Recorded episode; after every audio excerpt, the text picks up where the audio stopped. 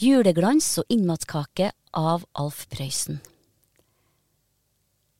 Det fineste juletreet jeg har sett i livet mitt, det var juletreet i Svingen. Og det juletreet ble finere og finere for hvert år. Det rakk helt opp i taket og var fullt av glitter og glasskuler, papirkørgi og lys. Åtte dager før jul så pynta de juletreet i Svingen. Kallen og kjerringa, den voksne sønnen og de tre ungene og alle vi andre ungene som bodde i grenda omkring svingen, vi fikk være med å se på. Sett dere fint på senga nå, så skal de få se på, sa kjerringa. Og vi klumpa oss i hop oppi senga, skubba og flytta oss så det skulle bli plass til alle i hop.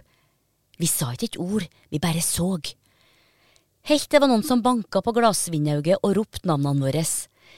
Det var utsendinga hjemmefra, storsøsken som skulle få oss tilbake til hverdagen til vedhugging og kveldsgraut og skoleleksene. Og da var det ikke så artig å fortelle at vi hadde vært i svingen. Ingen skulle gå dit. Folket i svingen var møkkrått og dum.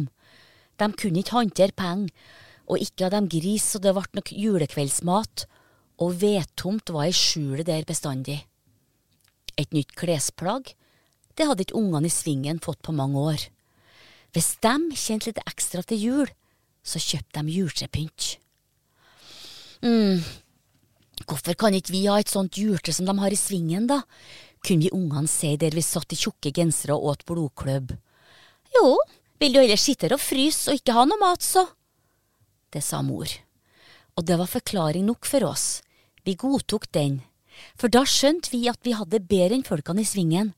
Vi hadde bedre enn mange andre, og vi. Hun mor hun delte ut en fleskbit og litt melk til dem som ikke hadde. Sånn var å ha god råd, tenkte vi ungene der vi gikk i tussmørket og delte ut til dem som satt trangt i det. Den gamle kjerringa i skauen folda hendene og gret da vi kom.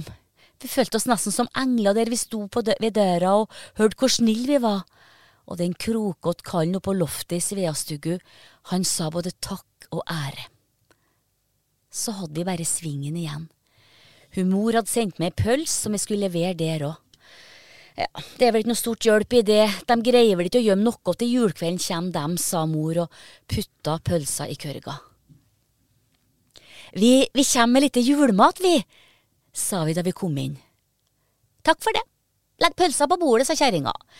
Kallen setter fram stol til oss, og vi forventa oss samme takknemligheter som vi hadde møtt hos de andre som fikk julemat. Men da, da flaug den minste dattera over gulvet og slo opp døra til den kalde stua. Der sto det. Der sto juletreet med den fineste og blankeste juletrepynten som tenkes kunne. Og da var vi ungene lik fattige igjen. Det var oppi svingen de hadde juleglansen, tenkte vi. Og så gikk vi sakte hjemover og åt innmatkake til kvelds.